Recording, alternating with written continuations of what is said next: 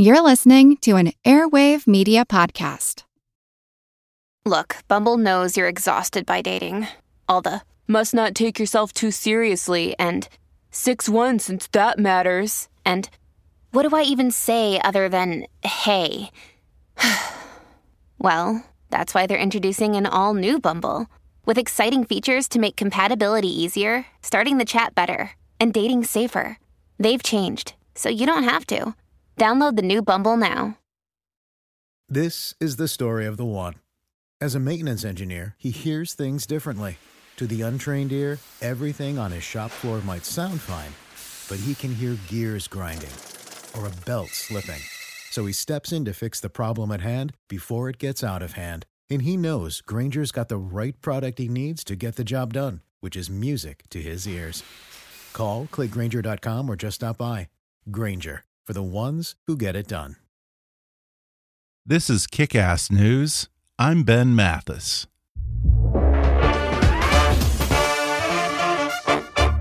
Church and State, a new dramedy about faith, politics, and the Twitter, packs plenty of humor, raves Time Out New York.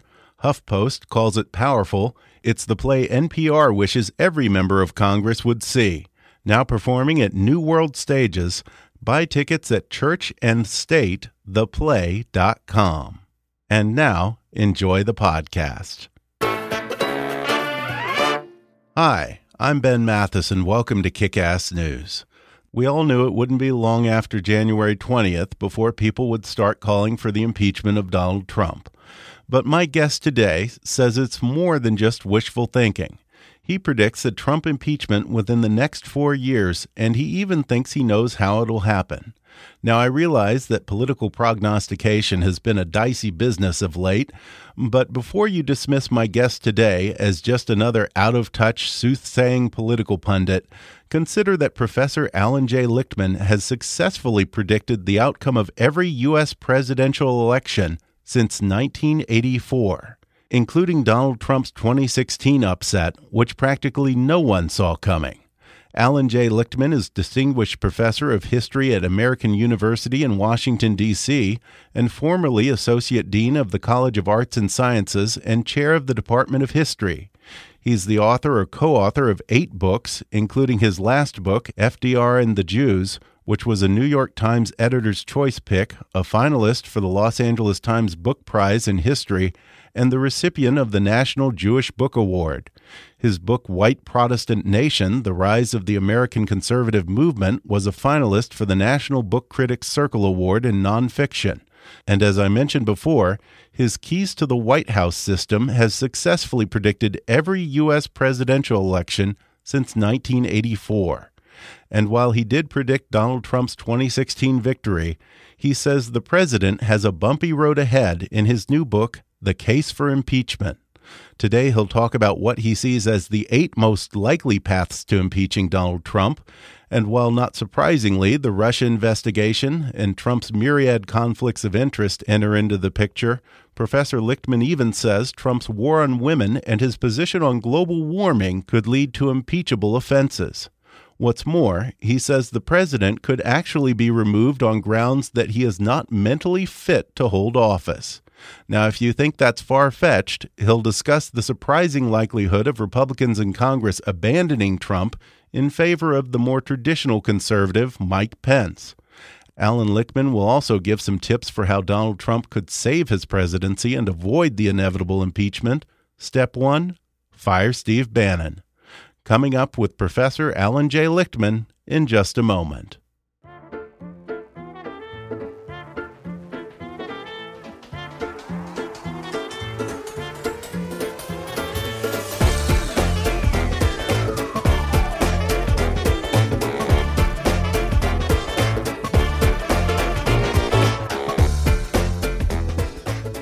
Allan J. Lichtman is a distinguished professor of history at American University in Washington, D.C., and the author or co author of eight books.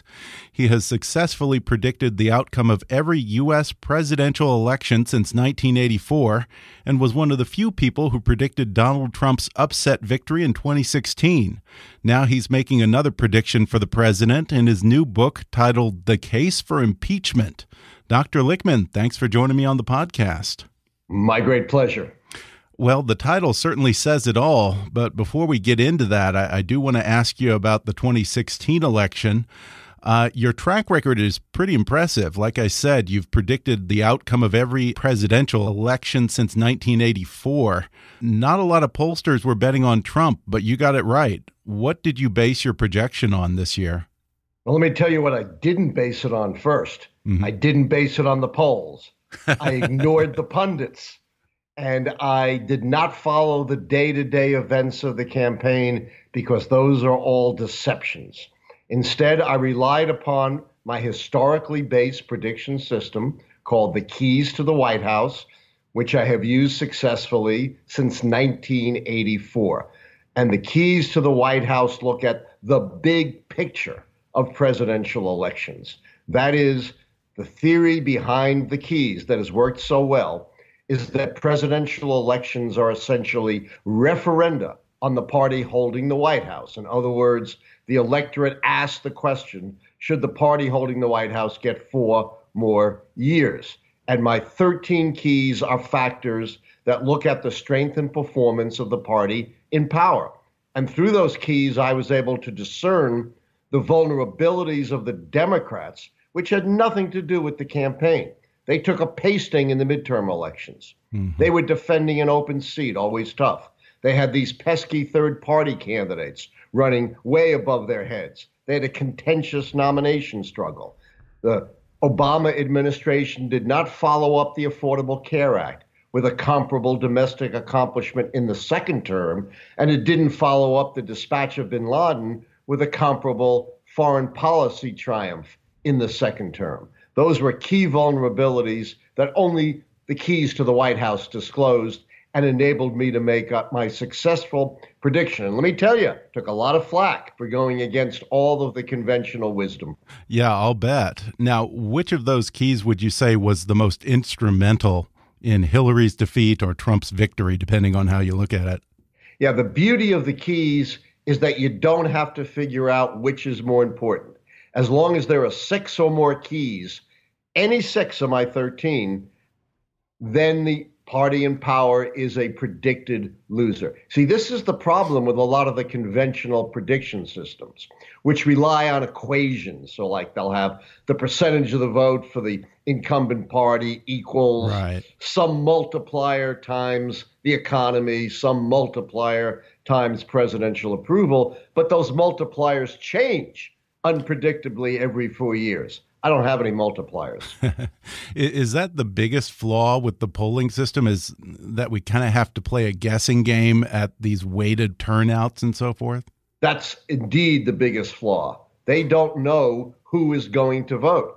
So yeah. they have to come up with some kind of schematic to screen out likely voters. And those schematics are imperfect. So when they tell you the error margin in the polls is plus and minus 3%, that's just sampling error. That has nothing to do with any of the other, other errors in the polls, including the likely voter screen. The other problem with the polls is they're misused by journalists and pundits. Mm-hmm. Polls are not predictors, they're just snapshots at any given point in time, which could change unpredictably at the next point in time. Yeah, and I was amused to read that you got a note, in fact, from President elect Trump after the election congratulating you on your prediction. Uh, what did he say? He just was very brief, and he wrote it on the Washington Post article in which I made predictions, basically just saying, Congrats, Professor. Good call. And I have to say, it was pretty gracious of him.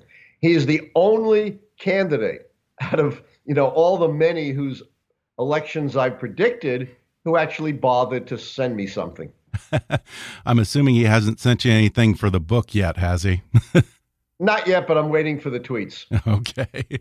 Well, in this new book, The Case for Impeachment, you outline eight possible avenues that could lead to President Trump's removal from office. The first one you mention, I guess a president doesn't necessarily need to break the law to be impeached, but apparently it certainly doesn't hurt. Um, obviously, he can be impeached for crimes that he might commit as president, but you say he could also be impeached for illegal acts committed before he even assumed office, huh? That's right. the Constitution imposes no limits on what the grounds for impeachment might be. It simply says treason, bribery, or high crimes and misdemeanors, which of course are undefined. And the framers were quite clear in putting the power of impeachment solely in a political body, the Congress. They didn't put it in the courts quite deliberately. So that means you don't have to have a specific crime. And it could certainly be events that occurred before the president took office. In this case, for example, what is so obvious that could lead to impeachment that took place before inauguration day or even the election is any possible con- collusion with the Russians. The Russians, of course, launched this reprehensible attack on our democracy. And the FBI and two congressional committees are investigating mm-hmm. possible collusion between the Trump team and the Russians, which, of course, would have occurred before Donald Trump took the oath of office. Yeah, and we'll definitely get to the Russia issue. But I talked with uh, David Cay Johnston a while back about his book on Trump, and certainly there were a lot of things that seemed glaringly illegal in there lies and acts that Trump has committed prior to being president. Um, what kind of laws might he have broken that you think might be the most likely opportunities for impeachment? I have a whole chapter on flouting the law, which goes all the way back to pretty clear evidence that he violated the very important Fair Housing Act way back in the 70s when he was president of uh, the real estate company started by his father. Mm-hmm. There's very strong evidence that journalists have found that he broke the Cuban embargo in the 1990s when breaking the Cuban embargo was a pretty serious crime. And there is also credible evidence that both for clearing the site for Trump Tower and much more recently in his modeling agency, he employed illegal immigrants. In fact, Senator Boxer, upon retiring from the Senate, called for an investigation into Trump, Trump's modeling agency and its employment of illegal immigrants. That might be something that uh, the House could seize upon because attacks on illegal immigrants were so central to uh, Trump's campaign for president. Yeah. And these things would become more persuasive if combined, of course, with acts committed while as president. They would add some strength to an impeachment case that could combine the history of Donald Trump with the current activities as president of Donald Trump. Now, theoretically, they could impeach him for these acts even if he's not charged or prosecuted for them, right? That's correct the impeachment does not require the commission of an indictable crime. That's very clear. And if you go back to the debates in the Constitutional Con- Convention, their idea of impeachment was this would be the ultimate safeguard of democracy against a rogue president who was broadly abusing presidential power, whether or not that led to a particular indictable crime under the law and certainly judges, if not necessarily presidents, because there are so few examples, have been impeached for misconduct that was never charged in terms of a criminal act. You also bring up the violation of the emoluments clause as possible grounds for impeachment. Remind folks what that is again. This is very important. The emoluments clause was put into the Constitution by the founding fathers to prevent foreign interference with our democracy. The Emoluments Clause basically says, to summarize, that a president cannot receive anything of value, an emolument, from a foreign government, their agents, or even corporations or banks controlled by foreign governments. And the prohibition is absolute. It doesn't require a quid pro quo. Why is this in the Constitution? It wasn't an afterthought. It was very central because, you know, at the time we were a fledgling, a new republic, and the framers feared that our officials could be corrupted by rich and powerful countries like France or Great Britain. And here's why Trump is so vulnerable to violating the Emoluments Clause, the remedy for which is impeachment. He has not divested his business holdings yeah, he might have turned his day to day operations over to his children, but he, still benefits. He still gets right. emoluments. He gets still gets things of value from his foreign operations, which certainly is arguably a violation of the emoluments clause. We saw, for example, that he recently got some very potentially lucrative trademarks from none other than China at the very time that he was uh, moving away, it seems, from his two China policy. And of course, he did never fulfilled his promise to declare China a currency manipulator from on the first day of his presidency. And he certainly hasn't really tried to fundamentally challenge what he says was China cheating us and exploiting us on trade. But again, violation of the emoluments clause doesn't require a quid pro quo. Yeah, I have to say, his meeting with President Xi kind of seemed surprisingly chummy given his rhetoric during the election. A complete turnaround in his approach to China. Now, he's recently said, well, you know, now we need China to help us with North Korea, so I'm not going to declare them a currency manipulator. Of course, he had many, many weeks before he met with the Chinese with regard to North Korea to fulfill his promise mm-hmm. to declare them a currency manipulator and to fulfill his promise to try to rectify what he saw as the exploitation of trade relations by Chinese. Backed off all of that. Yeah, and this is not just a problem in terms of foreign influence, but even domestically, companies doing business with his company. Huge problem. You know, he says that he's not involved in the day to day operations. He says his sons, Eric and Donald Jr., are running things, but do the proceeds still flow into his pockets or does it go into some sort of trust? How does that it work? It does not go into some sort of trust. Really? He did not divest himself. Huh. So if his businesses or businesses that license his name profit, then Trump profits as well. So he's broken the precedent. But I understand he would have taken a financial hit by selling off his businesses. But you know, he's a billionaire. He still would have been a billionaire, and no one forced him to run for president of the United States. So look at domestic businesses. He's got, you know, who knows how many scores, maybe hundreds of domestic business interests. So many decisions of the Trump administration are going to affect the profitability of his domestic businesses. Decisions on labor, on taxes, on regulation, on trade. And the problem with conflicts of interest is really simple. The American people should not be guessing. The Congress should not be guessing about where America's national interest leads off and Trump's personal pocketbook interests kick in. That's why it was mm-hmm. so important that he had to divest. And he hasn't. And that could come back to haunt him in terms of impeachment, both in terms of the emoluments clause and running afoul of conflicts of interest here at home. And I imagine it must make it rather difficult for us to root out these conflicts when he says that he's still not going to release his tax returns. That makes it so difficult to figure out just exactly what his interests are. Mm-hmm. And his excuse is truly uh, pretextual. Yeah. There is no law, no regulation saying that you can't release tax returns that are under audit. That's yeah. just something he made up. In fact, every president automatically gets their tax returns audited every year. And for decades, presidents have routinely uh, released their tax returns. Even Richard Nixon released tax returns that were under audit. So clearly, the inference have, has to be that Trump has something pretty serious to hide.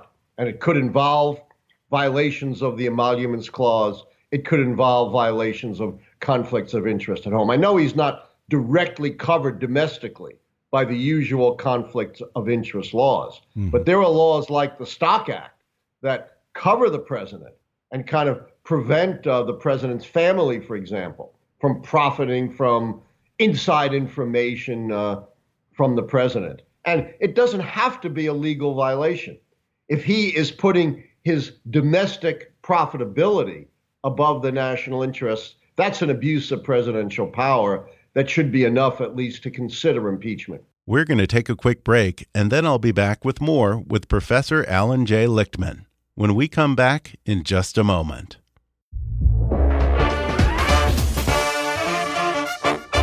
If you're interested in my conversation with Allan Lichtman, then you should check out his new book, The Case for Impeachment. And right now, you can download the audio version of his book for free with a special promotion just for our listeners from audible.com. Just go to audibletrial.com slash kickassnews for a free 30-day trial and a free audiobook download, which can be The Case for Impeachment by my guest today, Professor Allan J. Lichtman, or any of Audible's 180,000 titles. That's audibletrial.com slash kickassnews or click on the sponsor link on our webpage to download the free audiobook of your choice. And now, back to the show. And you also say his flagrant disregard for the truth could backfire on him as well. Now, if I was to bet on any one of these, this would probably be the one that I'd pick.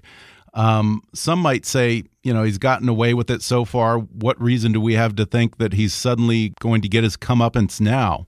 But you seem to bring up the possibility that he, kind of like Clinton, might perjure himself in one of these mini lawsuits that are pending against him or might come up against him. That's right. That's where his flagrant disregard for the truth can come back to bite him and bite him hard. He could be caught in the same impeachment trap as Bill Clinton, not telling the truth under oath. And this is tied to something else that I point out in the book Trump's war on women. You know, mm-hmm. it's astounding. We have Bill O'Reilly, the king of cable, driven out of uh, his cable slot because of serious allegations of sexual harassment. And we have sitting in the White House a guy who openly bragged about sexually assaulting women. And we have sitting in the White House a guy who's had accusations from about a dozen women of sexual assault and harassment.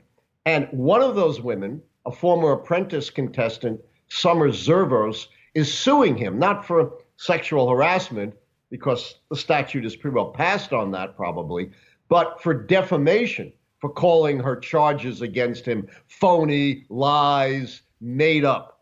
And her lawyer is a celebrity lawyer, Gloria Allred, a staunch feminist who has said she wants to get Donald Trump to be testifying in this lawsuit under oath. And he, she hopes the Republicans in Congress will hold him to the same standards of truth that they held Bill Clinton. Now, the Trump lawyers, of course, are trying to squash this lawsuit. They're trying to get mm-hmm. rid of it. Well, Bill Clinton couldn't get rid of the Paula Jones sexual harassment lawsuit that started the avalanche that led to his impeachment. And the courts have said we'll consider lawsuits on a case by case basis. But the Trump lawyers have come up with an interesting argument. They're saying this lawsuit should be quashed because the Supreme Court decision saying you can consider lawsuits against a president if they don't relate to his official duties case by case, applied only to a lawsuit filed in federal court. This lawsuit is filed in state court. And of course, Allred has responded quite reasonably in saying, why should the venue matter? That's not the critical point to be considered. So this lawsuit could go forward, and Donald Trump could be caught in an impeachment trap. And there are other lawsuits pending against Donald Trump as well. That seems like the easiest way to trap him for his enemies, just to file a lawsuit, because given his propensity for stretching the truth and outright lying, if you just get him in a courtroom, it almost seems like it's going to be hard for him to resist.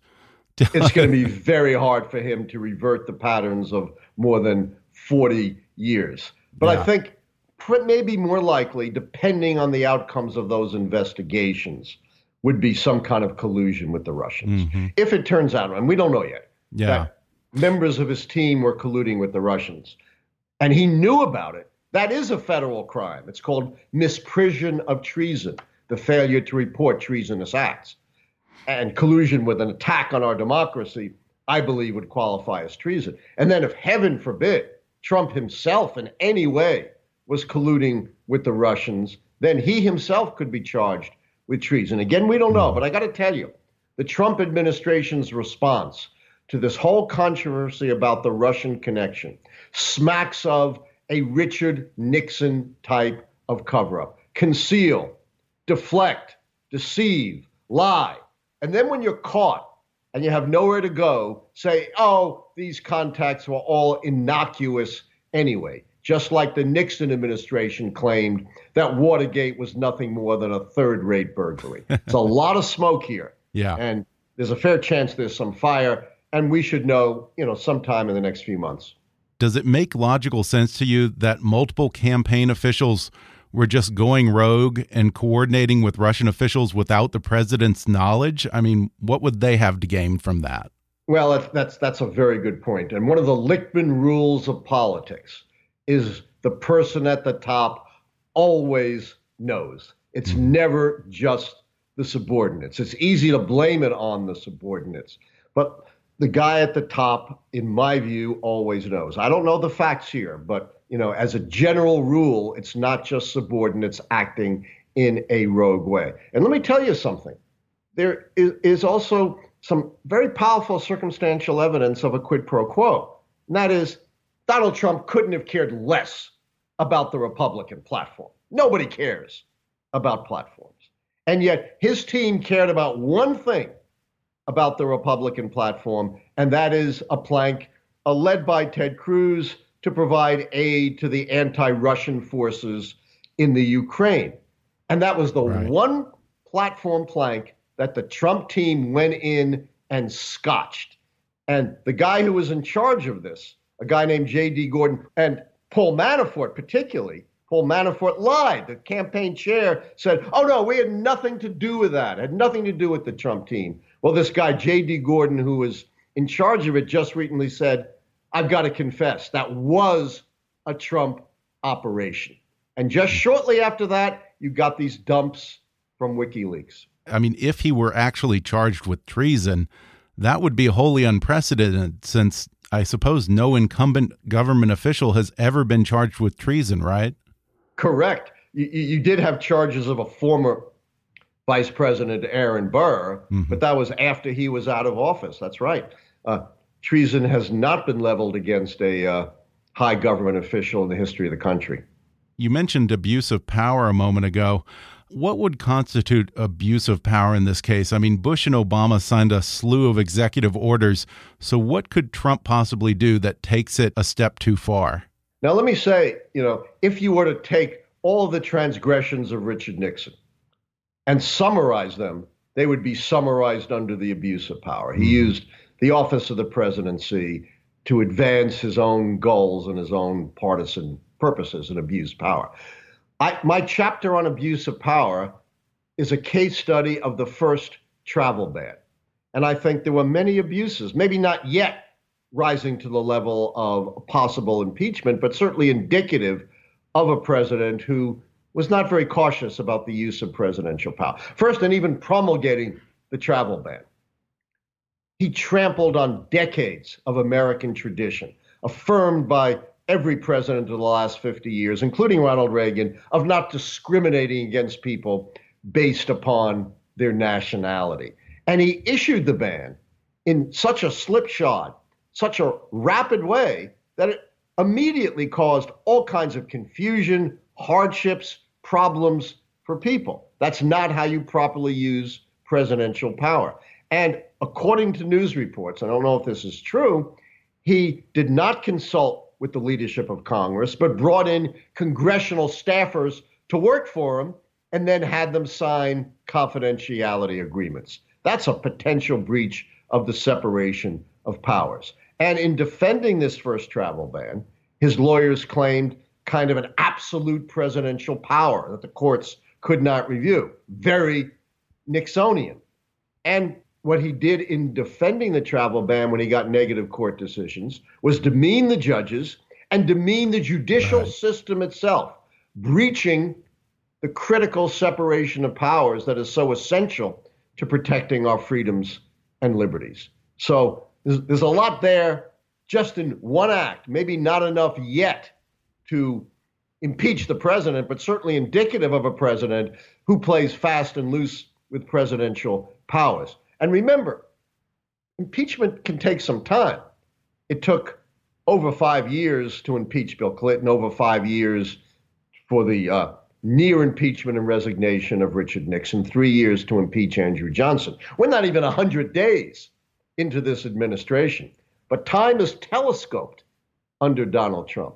It feels almost like 100 weeks. Yeah. And ultimately, although the power of impeachment is formally lodged in Congress, I believe impeachment will only occur if the American people demand that. That's why I wrote this book. as a guide to the American people to monitor the Trump administration. It's not a book that's partisan. I don't quote any Democrats, any political opponents of Donald Trump in this book. But to give American people guidance, I go through past impeachments, the process of impeachment, the prior history of Donald Trump, and the record of the first couple of months of the Trump administration. Well, if Republicans control the House and Senate, isn't impeachment somewhat unlikely? Another Lichtman rule of politics is that for politicians, their first priority is self preservation. And hmm. Republicans turn against Donald Trump if they think he becomes a political liability. Every Republican in Congress is up for reelection in 2018. And if they think Trump is a millstone around their neck, they could turn against him. Remember, if the Democrats stand firm on impeachment, it only takes, as I point out in my book, about two dozen Republicans to turn. That's only 10% mm-hmm. yeah. of Republicans in Congress. About a third of Republicans in the House Judiciary Committee turned against Richard Nixon. And of course, if the charges were serious enough, if they involved misprision of treason or treason, then I think even Republicans would have to act. And finally, Donald Trump has no long term relationship with the Republicans in Congress.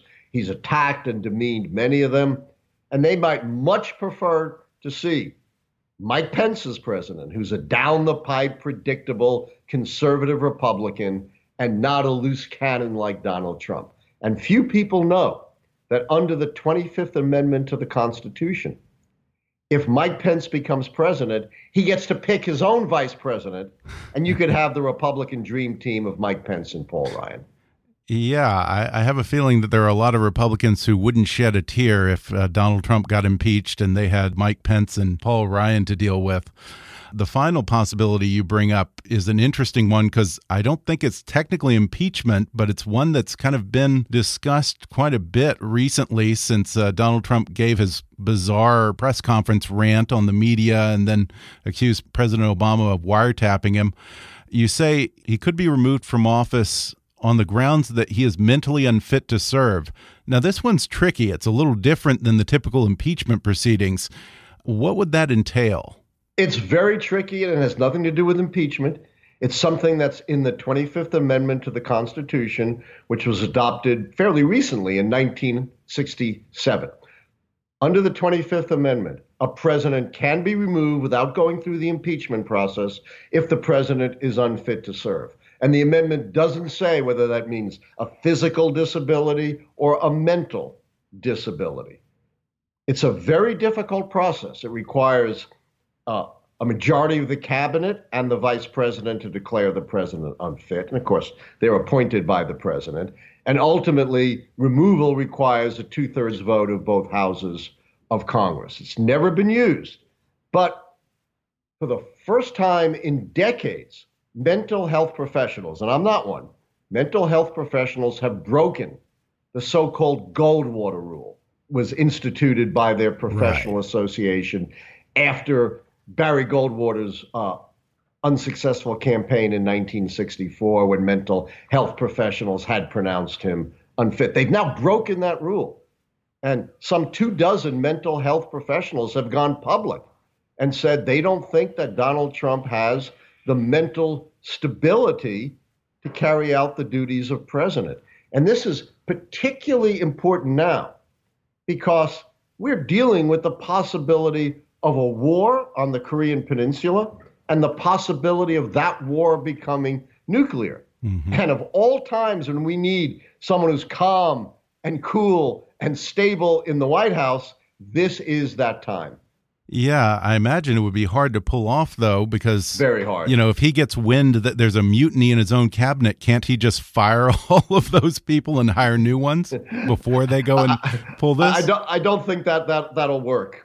Yeah. Actually, okay. But uh, you know, it'd be very hard for the vice president, majority of his cabinet, to turn against him. I yeah. got to mention one other possible, and this is impeachment. One of the possible ground for impeachment, because I'm the only one who's really come up with this and that is impeachment for a crime against humanity. Now, typically we think of crimes against humanity as genocide, like mm-hmm. what happened in Cambodia in the 1970s. But just recently, the International Criminal Court has prioritized crimes against the environment, which clearly would include catastrophic climate change. In 2009, a group of businessmen wrote an open letter published in the New York Times to President Obama, in which they said the science is irrefutable that unless we take strong action against climate change, the results will be catastrophic for our planet. Guess who signed that open letter eight years ago? Donald Trump, hmm. Eric Trump, Ivanka Trump, and Donald Trump Jr. Well, what's changed in eight years? The science has become stronger. The danger has become more imminent. The only thing that's changed is Donald Trump's political calculations, which have now led him not just to stop progress in fighting climate change, but to throw in reverse efforts to fight climate change, which could accelerate the dangers from floods and seawater rise that could inundate coastal cities, inundate island nations, the dangers from fires that consume homes and cropland, the dangers from drought that cause starvation and make parts of the world even uninhabitable. What could be more dangerous as Donald Trump himself told us, than catastrophic climate change. And throwing into reverse our efforts could be interpreted as a crime against humanity. Now, we're not part of the International Criminal Court. Right. I was just going to say. Yeah. but anyone anywhere could make a complaint, and that could lead to an investigation. Mm-hmm.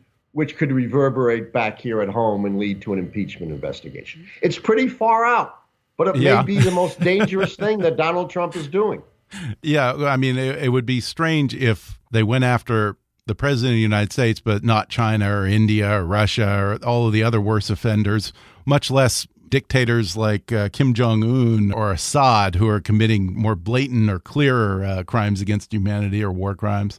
You, you do you give never some... know. That's problems for those countries. We have our right. own problems with Donald Trump, and the United States has got to be the leader here. Yeah. We can't be a laggard. We yeah. can't be turning back the clock on efforts to fight climate change. That's going to reverberate all over the world. You know that. Yeah. You also throw the president a bone in the end and give him some tips on how he could save his presidency and avoid impeachment. I won't go through all of them, but you do say he should fire Steve Bannon ASAP. Now, this reminds me of something that Hugh Hewitt said to me a few months ago. He said if Trump insulates himself with yes men and his insiders, it's a Watergate like recipe for corruption, dysfunction, and eventually impeachment. Is Steve Bannon the most dangerous loose cannon in his inner circle? I think he's the most dangerous advisor to Donald Trump. You know, under his watch, and I give lots of examples in the book, Breitbart.com spewed out racist and religious bigotry mm-hmm. openly. And I give like five or six examples in the book. Plus, as I point out in the book, he, do, he doesn't want to develop policy that leads to a consensus and gets things done for the benefit of the American people. He wants to destroy basically the status quo. And mm-hmm. that's obviously a very dangerous thing to be doing. And, you know, if Trump were to follow that path, that could lead to impeachment. So, Steve Bannon, you're fired is one of my recommendations for Donald Trump. Before we go, you want to make any predictions for 2018 or 2020? Well, I think if things keep going as they are, one of two things are going to happen. Enough Republicans in Congress will come around and get rid of Donald Trump before the midterms, or if things continue to go downhill and the president has approval ratings that are so low, you know, historically for an early presidency, around 40%. You could see 2018 as a wave election that creates a Democratic majority. Do you make any kind of predictions other than politics, like the World Series or the finale of The Bachelor? You know, I've been asked about The Bachelor. I'm probably too old to make predictions about that, but I have been asked to make predictions for gamblers, and oh, I yeah. refuse to do it because I don't want to wind up in the Potomac River wearing cement overshoes. So I stay safe. Smart man. Well, once more, the book is called The Case for Impeachment. Dr. Allan J. Lichtman, thanks for talking with me. Great questions. Enjoyed it. Thank you so much, Ben. Thanks again to Professor Allan Lichtman for joining me on the podcast. You can order The Case for Impeachment on Amazon or download the audio version of his book for free with a special offer at audibletrial.com slash kickassnews. And follow Professor Lichtman on Twitter at, at Allan Lichtman. Be sure to subscribe to Kickass News on iTunes and leave us a review while you're there. Don't forget to take our listener survey. It only takes five minutes at podsurvey.com slash kick. You can visit Kickass News on Facebook and follow us on Twitter at, at KickassNewsPod. And be sure to recommend Kickass News to your friends on your social media. And if you really want to help out, then donate to our GoFundMe campaign at gofundme.com slash kickassnews or click on the donate button at kickassnews.com. As always, I welcome your comments, questions, and suggestions at comments at kickassnews.com. For now, though, I'm Ben Mathis, and thanks for listening to Kickass News.